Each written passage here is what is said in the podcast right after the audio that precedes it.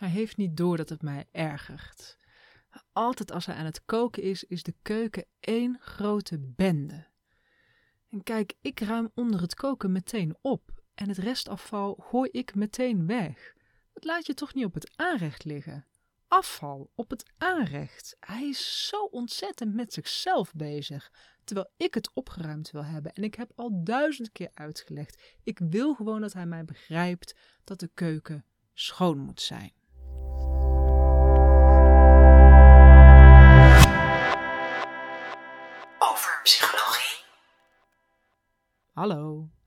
Ben Mirella Brok, relatietherapeut en schrijfster. En je luistert naar mijn artikel Intimiteit tussen individuen van overpsychologie.nl. Ik wil dat hij mij begrijpt. Deze hartekreet hoor ik vaak van mijn cliënten. Hoe ziet dat begrepen worden eruit? Bedoel je daarmee dat de ander je begrijpt en een andere mening heeft? Of wil je eigenlijk dat de ander jouw mening deelt?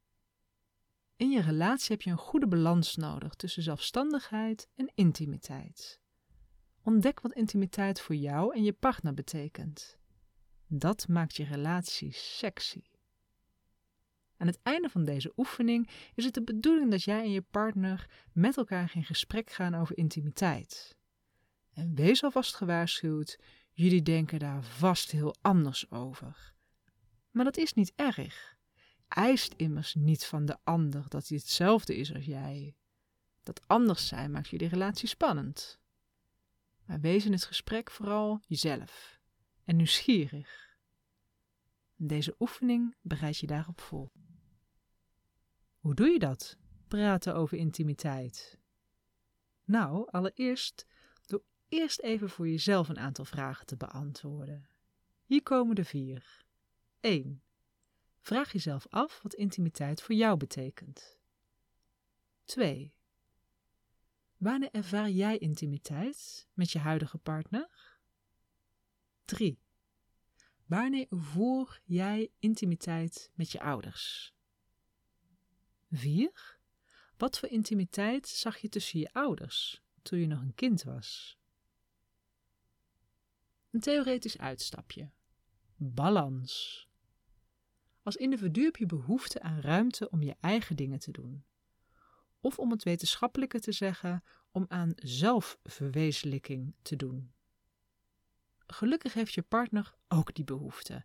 Maar helaas, je hebt die behoefte niet altijd op hetzelfde tijdstip en in dezelfde situatie als je partner. En nog gecompliceerder is het dat jullie allebei ook aandacht en intimiteit nodig hebben. En dat jullie allebei op de langere termijn evenveel vrijheid en intimiteiten van elkaar willen ontvangen dan dat je weggeeft. Want een weegschaal kan niet te lang en te vaak doorslaan.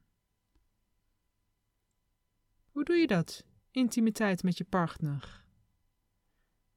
Zorg er dus samen voor dat er evenwicht is tussen jullie individuele belang, het individuele belang van de ander en jullie gemeenschappelijke belang. 1. Vraag je partner wat intimiteit voor hem of haar betekent. 2. Vertel ook wat intimiteit voor jou betekent. 3. Zijn jullie het oneens met elkaar? Vraag elkaar dan: hé, hey, hoe komt het dat we hier anders over denken? En waarom is dat niet erg of wel erg? 4. Vraag aan je partner wat je partner wil. 5. Vraag jezelf af of je geeft wat je partner wil. 6. Vraag jezelf af of dat je vooral geeft wat je zelf fijn vindt. Ja, soms ben je geneigd om te geven wat je zelf graag ontvangt, in de veronderstelling dat de ander dat ook geweldig gaat vinden, maar smaken verschillen.